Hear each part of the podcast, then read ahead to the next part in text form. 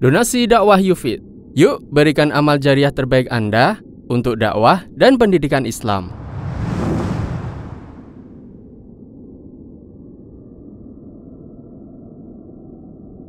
Bismillahirrahmanirrahim. Assalamualaikum warahmatullahi wabarakatuh. Alhamdulillah wa kafa والصلاة والسلام على رسوله المصطفى وعلى آله وصحبه ومن اقتفى أما بعد Kita panjatkan pujian dan syukur kehadirat Allah Tabaraka wa Taala. Pada kesempatan malam yang berbahagia kali ini, kita kembali diberi kekuatan, kesehatan, hidayah serta taufik dari Allah Jalla wa Ala. Sehingga kita bisa kembali menghadiri pengajian rutin untuk mengkaji adab dan akhlak di dalam Islam di Masjid Jenderal Sudirman Purwokerto ini kita berharap semoga Allah Subhanahu wa taala berkenan untuk melimpahkan kepada kita semuanya ilmu yang bermanfaat sehingga bisa kita amalkan sebagai bekal untuk menghadap kepada Allah Jalla wa ala. Amin. Salam dan salam semoga senantiasa tercurahkan kepada junjungan kita Nabi besar Muhammad sallallahu alaihi wasallam kepada keluarganya, sahabatnya dan umatnya yang setia mengikuti tuntunannya hingga di akhir nanti. Para hadirin dan hadirat sekalian yang kami hormati dan juga segenap pendengar radio Insani via streaming di mana pun anda berada dan juga para pemirsa Surau TV dan Yufi TV yang semoga senantiasa dirahmati oleh Allah Azza wa Jalla. Alhamdulillah pada pertemuan terakhir kita kita sudah mulai memasuki pembahasan tentang hadis yang kedelapan yang disebutkan oleh Imam Ibn Hajar Al-Asqalani di dalam kitab beliau Bulughul Maram Kitabul Jami' yaitu sebuah hadis yang berbunyi wa an Ali radhiyallahu anhu qala dari seorang sahabat Nabi SAW yang bernama Ali. Siapa? Ali bin Abi Talib radhiyallahu anhu. Semoga Allah meridai beliau. Qala beliau berkata, qala Rasulullah sallallahu alaihi wasallam, Rasulullah sallallahu alaihi wasallam bersabda, yujzi'u 'anil jama'ati idza marru an yusallima ahaduhum apabila ada rombongan lewat apabila ada rombongan lewat mereka melewati orang lain maka diperbolehkan untuk salah satu di antara rombongan itu mengucapkan salam dan yang lainnya tidak mengucapkan boleh. Jadi kalau ada rombongan lewat 10 orang kemudian ada satu orang, tiga orang duduk di samping jalan. Dari sepuluh orang ini, kalau ada satu orang yang mengucapkan cuma satu orang saja, dari berapa? Sepuluh, yujzi'u, boleh. Bo, boleh. Ini adalah berbicara tentang orang yang mengucapkan salam. Nabi SAW melanjutkan,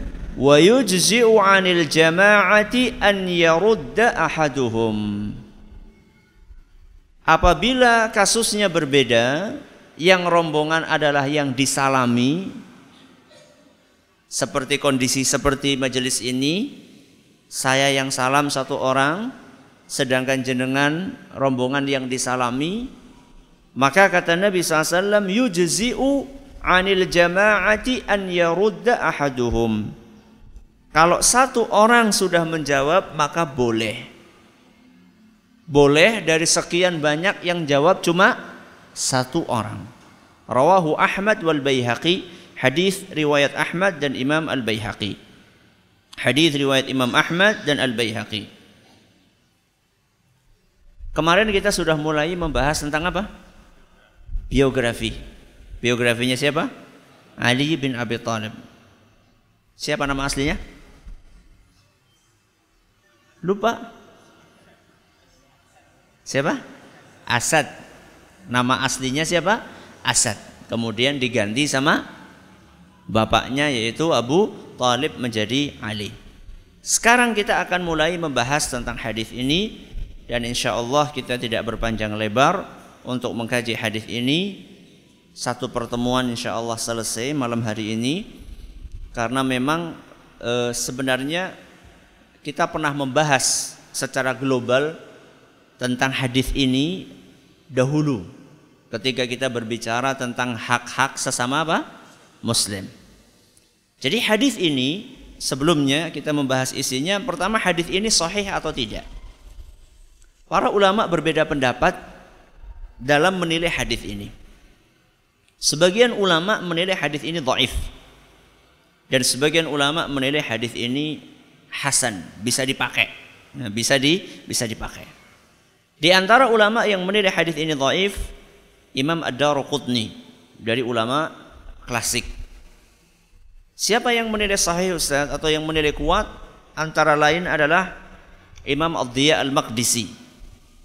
Kemudian juga An-Naisaburi dan di antara ulama kontemporer yang menilai hadis ini hasan adalah Syekh Al-Albani.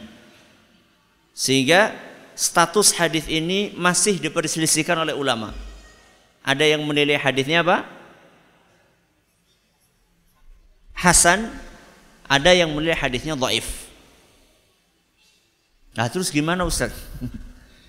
ya itulah yang namanya perbedaan pen pendapat.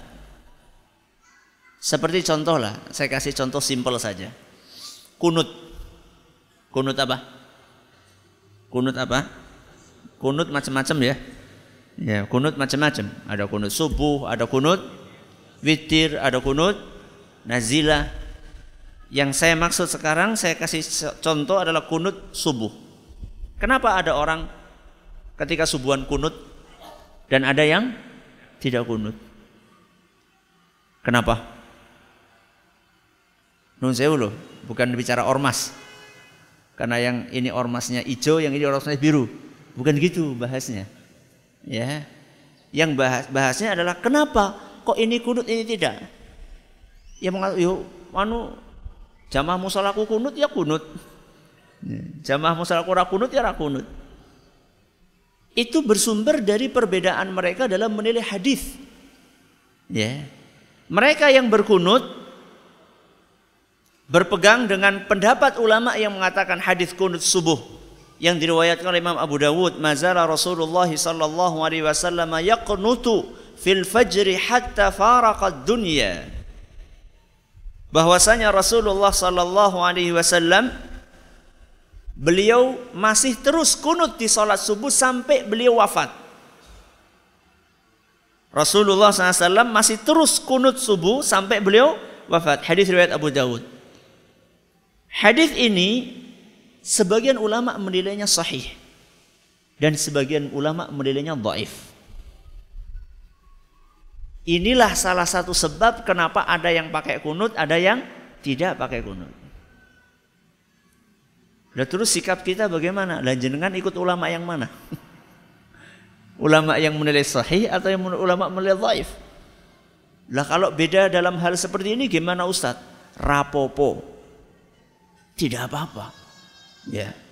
Ini bukan masalah-masalah prinsip yang haruslah nyong mau sholat nengkana. Soalnya apa? Ora kunut. Atau sebaliknya. Nyong mau sholat nengkana sebabnya apa? kunut. Enggak perlu yang seperti itu. Ini perbedaan dari dulu. Dan ini contoh perbedaan pendapat yang perlu saling mentoleransi. Ya. Jadi enggak perlu pakai otot-ototan. Ya. Apalagi perbedaan pendapat seperti ini. Tidak perlu pakai kekerasan. Ya. Tidak perlu pakai kekerasan. Justru yang ada adalah saling apa? saling menghor menghormati. Biasanya orang yang pakai kekerasan itulah orang yang nggak punya yang nggak punya yang minim ilmu. Jangan nggak punya lah, bawa gimana gitu ya. Yang minim apa? Ilmu sumbunya pendek. Biasanya seperti itu. Orang yang suka pakai apa? Kekerasan yang bukan pada tempatnya biasanya karena sumbunya apa? Pendek. Ya. ya didongakakan baik. Mudah-mudahan dapat apa? Dapat hidayah. Jadi karena ada perbedaan penilaian itulah kemudian ada sebagian ulama pakai kunut, ada yang tidak. Nah hadis ini yang akan kita pelajari saat ini itu juga akan menghasilkan perbedaan hukum nantinya. Ya. Bagi mereka yang menganggap bahwa hadis ini dhaif, maka mereka akan berpendapat wajib semuanya jawab. Gak cukup hanya satu orang. Ya, jadi kalau misalnya saya mengucapkan salam, assalamualaikum, kemudian yang jawab di sini misalnya ya, misalnya yang hadir di sini adalah e, berapa? Berapa nih kira-kira? 500 misalnya. Yang hadir 500 misalnya. Ternyata yang jawab 499. satu orang enggak enggak jawab. Maka yang satu orang ini dosa apa tidak? Dosa. Ini kalau pakai pendapat ulama yang ini hadisnya dhaif ini. Tadi barusan kita pelajari hadisnya dhaif. Pokoknya semuanya wajib menjawab, enggak cukup diwakili satu orang. Tapi kalau misalnya mau pakai pendapat ulama yang mengatakan hadisnya sahih, ya, maka 500 orang ini kalau satu orang sudah jawab, berarti yang 400 berapa tadi? 99 sudah cukup ya, diwakili oleh satu orang. Milih sing di. Ya bukan masalah milih Ustaz. ya. Inilah sekedar wawasan buat kita bahwa para ulama kita itu ketika berpendapat mereka tidak ngasal. Ya. Para ulama kita ketika berpendapat mereka tidak ngasal, mereka punya dalil. Nah, sekarang itu hanya sekedar gambaran sedikit kita akan berbicara tentang hukum yang dikandung oleh hadis ini. Hadis ini sebagaimana yang tadi kita dengar berbicara tentang etika salam.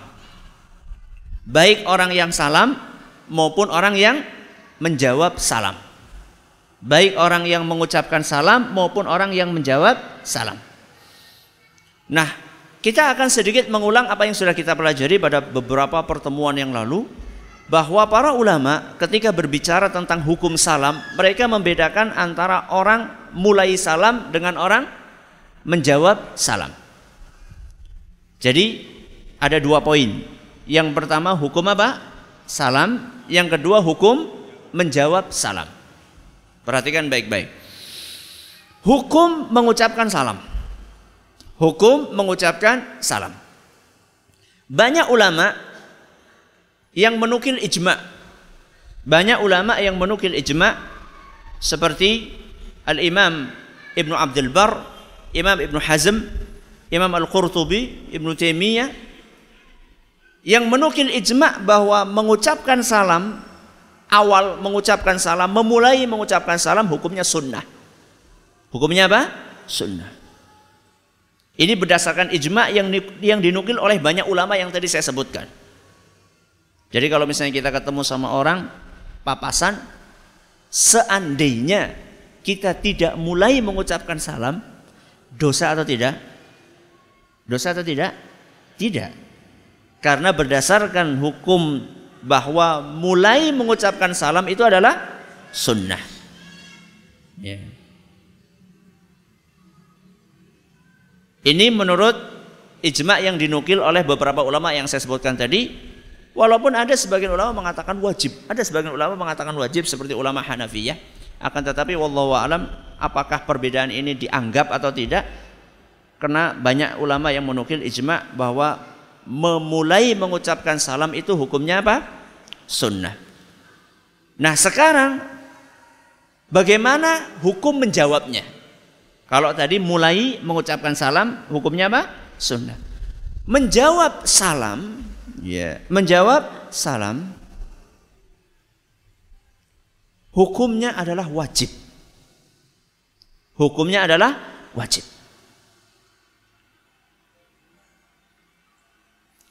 Bahasa lain dari wajib apa?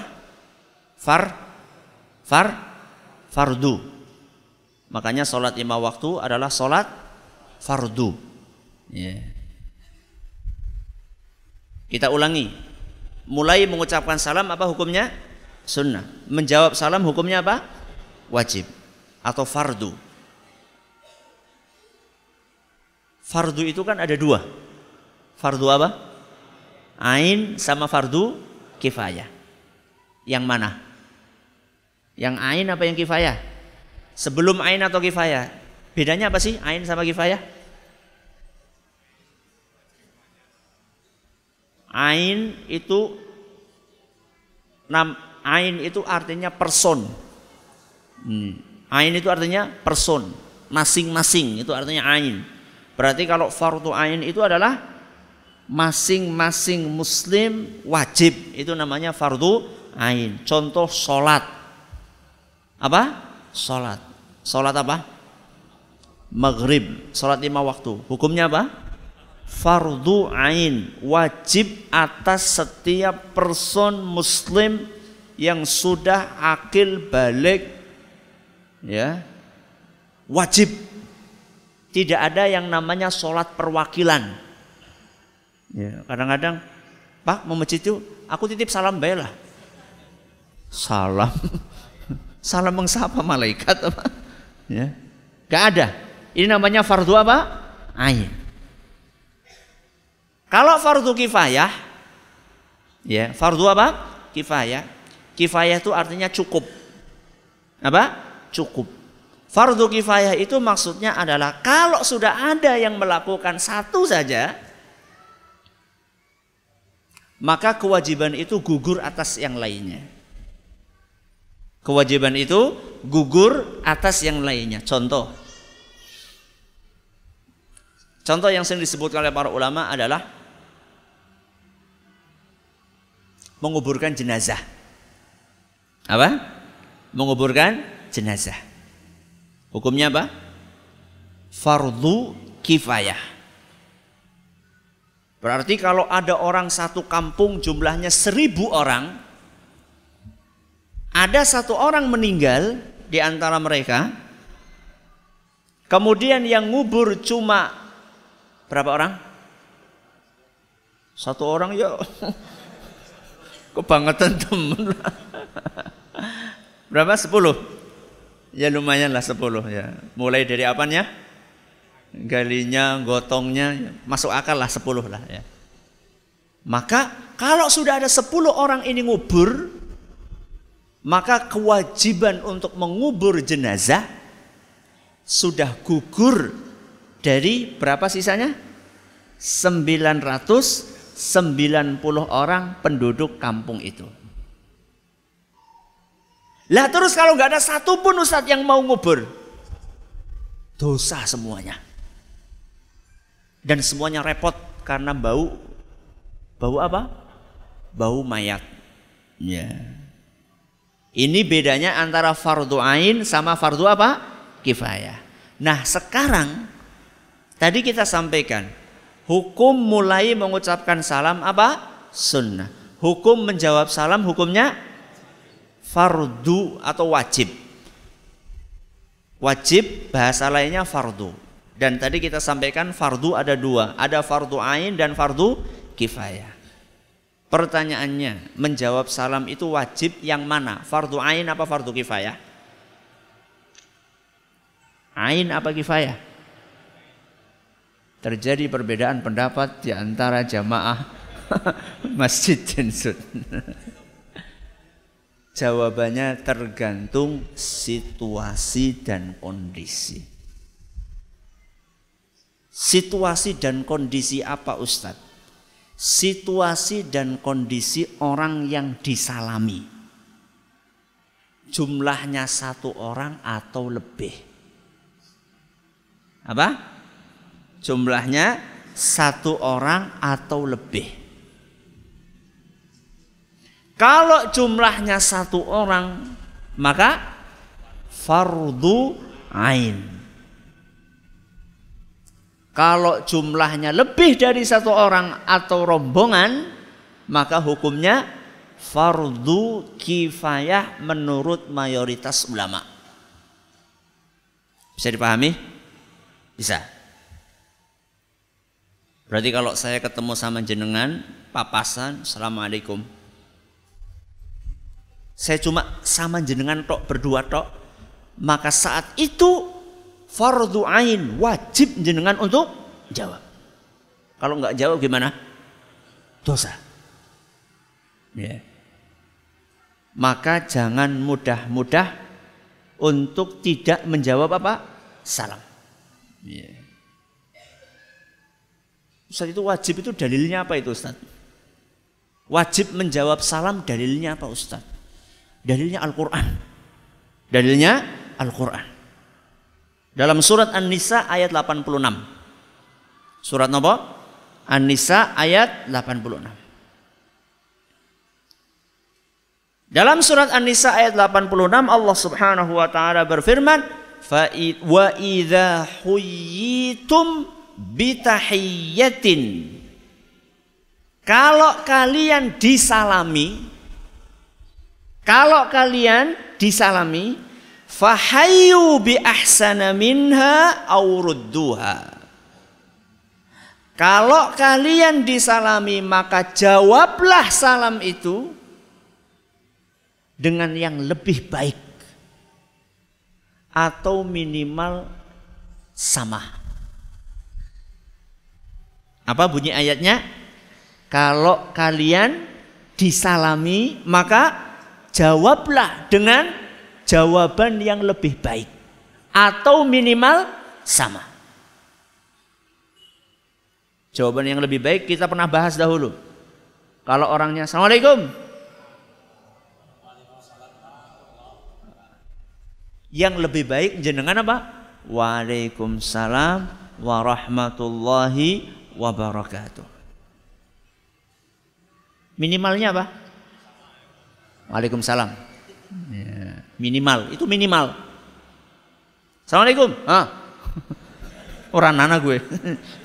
Ranana.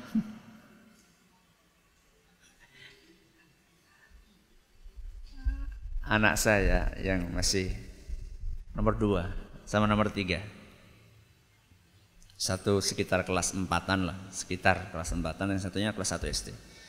Itu sukanya itu kalau di jalan gitu naik mobil, kalau lagi pas lagi pelan ada orang di jalan itu sukanya salam. Dan sukanya salamnya sama polisi. sukanya salam sama polisi. Polisi lagi ngatur apa?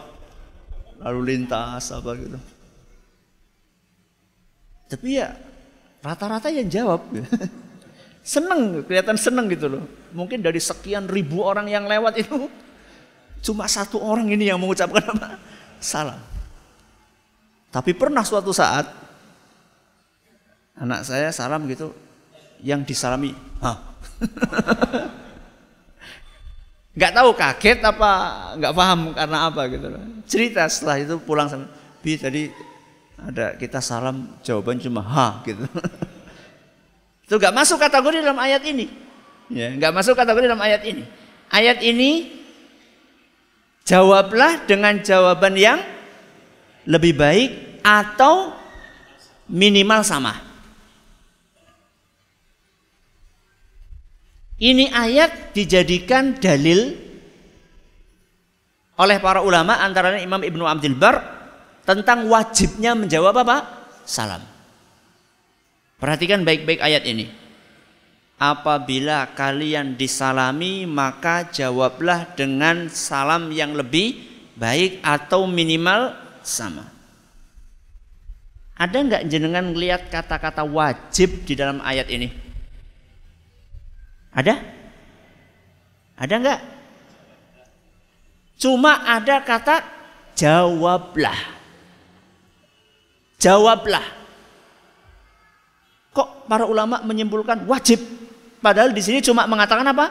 Jawablah. Jawablah kan bisa jadi ya monggo anjuran gitu. Sebaiknya dijawab. Tapi kok dari mana ulama kemudian menyimpulkan wajib? Karena ketika kita dapat perintah, jawablah. Ini perintah atau bukan? Perintah. Siapa yang memerintahkan? Allah.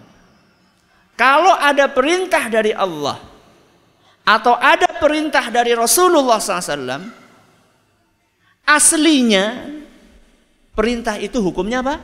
Wajib. Aslinya. Kecuali kalau ada dalil lain yang menunjukkan bahwa maksudnya bukan wajib hanya apa? sunnah. Dan para ulama kita mengatakan tidak ditemukan dalil yang merubah hukum perintah ini dari wajib menjadi apa? Sunnah, nggak ada dalilnya. Sehingga kembali kepada hukum asalnya. Asal ada perintah dari Allah, maka berarti yang diperintahkan wajib untuk dilakukan. Dan kata sebagian ustadz, Ustadz Nuzul, hafizahullah ta'ala, bahwa kaidah ini perintah itu aslinya adalah wajib itu bukan hanya dalam agama saja termasuk dalam kehidupan kita termasuk dalam apa dalam kehidupan kita kaidah kehidupan jadi kalau misalnya ada perintah dari orang tua kepada anak atau dari majikan kepada siapa? Pembantu. Itu aslinya ya wajib gitu. Contoh ya beliau kasih contoh kayak gini. Seorang majikan. Seorang apa? Majikan. Punya pembantu. Mbok bikinkan nasi goreng. Bikinkan apa? Nasi goreng. 5 menit, 10 menit, setengah jam. Bikin nasi goreng berapa menit? Berapa? Seberapa jam? Ya, sama ini ya, motong-motong ini ya, seberapa jam? Setengah jam, satu jam. Kok mboknya belum apa? Belum datang-datang. Terus majikan ini pergi ke dapur. Ternyata sampai di dapur mboknya ini lagi asah-asah. Lagi nyuci apa? Piring. Majikan tanya, "Mbok, nasi gorengnya mana?" Belum dibikin. Loh saya kan tadi sudah nyuruh. Saya perintahkan bikin nasi goreng. Loh, saya pikir tadi sunnah.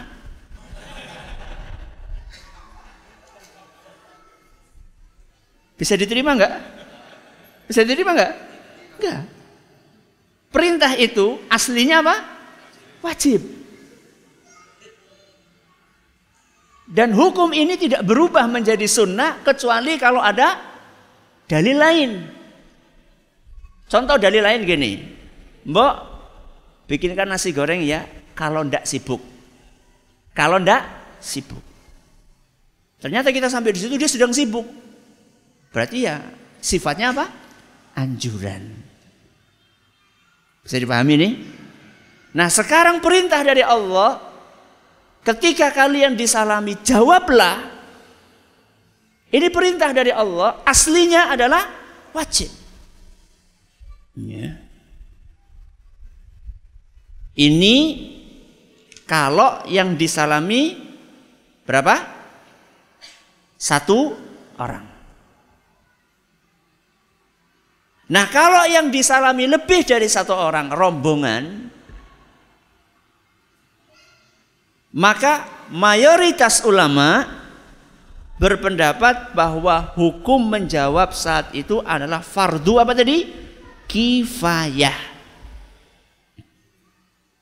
Yang sudah kita sampaikan tadi fardu kifayah kalau sudah ada salah satu di antara rombongan tadi yang menjawab maka kewajiban itu gugur atas sisanya. Ya. Kayak tadi saya kasih contoh 500 orang satu orang jawab maka kewajiban itu gugur dari berapa orang? 499 orang.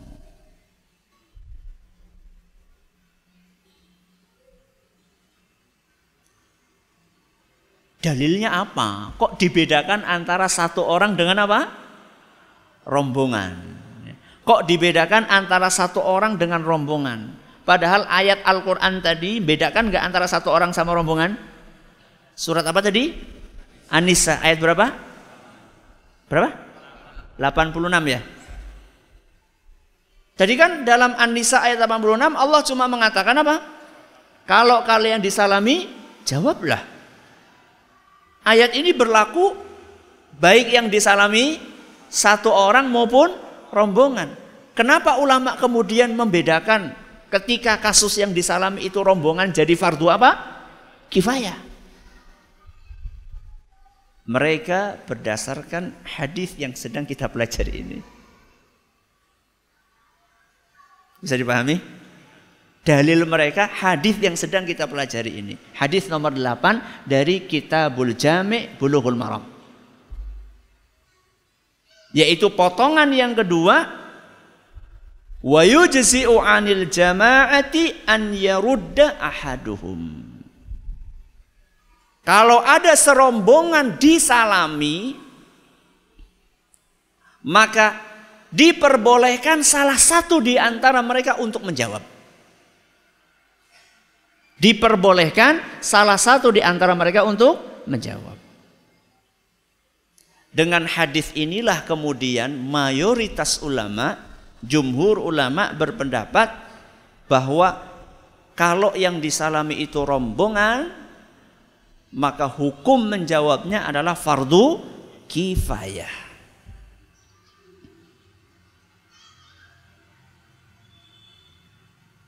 Kewajiban gugur atas yang lainnya.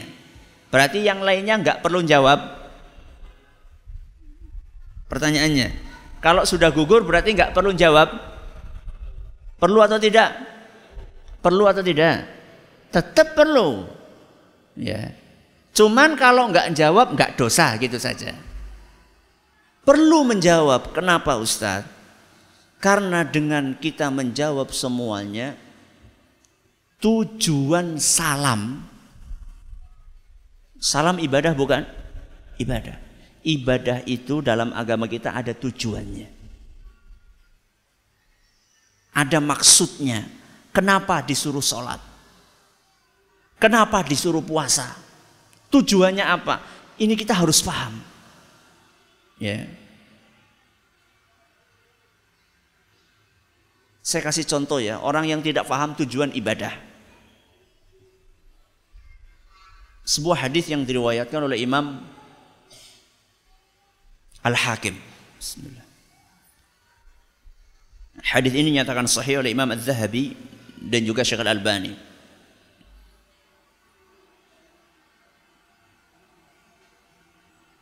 ketika ada seorang lapor kepada Nabi SAW.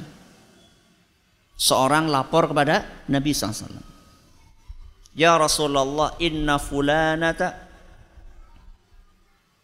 kanat tusalli lail wa tasumun nahar. Wahai Rasul, ada seorang wanita Sholat malamnya rajin. Puasa sunnahnya lancar. Berarti kalau sudah bicara sholat malam, berarti sholat lima waktunya gimana? Lancar, karena kalau sudah dibahas sholat malamnya berarti sholat fardunya sudah sudah sudah sudah dia lakukan gitu loh. Makanya yang ditonjolkan apanya? Sholat tahajudnya. Puasanya rajin, berarti Ramadannya jelas dilakukan.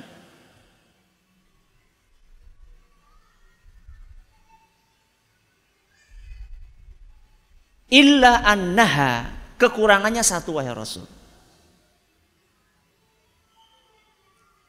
Kanat tu'zi jiranaha. Kekurangannya wanita ini wahai Rasul sering menyakiti tetangganya sering menyakiti apa? Tetangganya. Salitoh diperjelas lagi sama orang yang lapor kepada Nabi SAW wanita ini lisannya pedes apa pedes pedes itu apa? Nyelekit. Ya, apa? Nyelekit. Kalau ngomong itu menya, menyakitkan.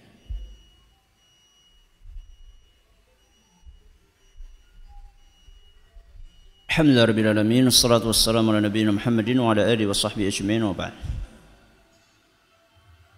Ketika Rasulullah SAW mendengar Tentang laporan itu Wanita yang rajin sholat malam Kemudian apa? Puasa sunnah Ternyata dia suka menyakiti tetangganya Apa komentar Nabi SAW? La khaira fiha Wanita ini Tidak ada kebaikannya. Wanita ini apa? Tidak ada kebaikannya. Perhatikan baik-baik. Wanita ini sholat. Wanita ini puasa. Pertanyaan saya, sholat dan puasa itu kebaikan atau bukan? Kebaikan. Tapi kenapa Nabi SAW katakan tidak ada kebaikannya? Karena wanita ini tidak menggapai tujuan dari ibadah yang dia lakukan. Setiap ibadah itu ada tujuannya. Inna salata tanha anil fahsyai wal munkar. Salah satu tujuan salat adalah untuk mencegah seorang dari perbuatan yang keji dan mungkar. Salah satu tujuan puasa la'allakum tattaqun, agar kalian bertakwa. Nah sekarang dia sholat, dia puasa tapi suka menyakiti tetangganya. Loh sholatnya itu tujuannya buat apa?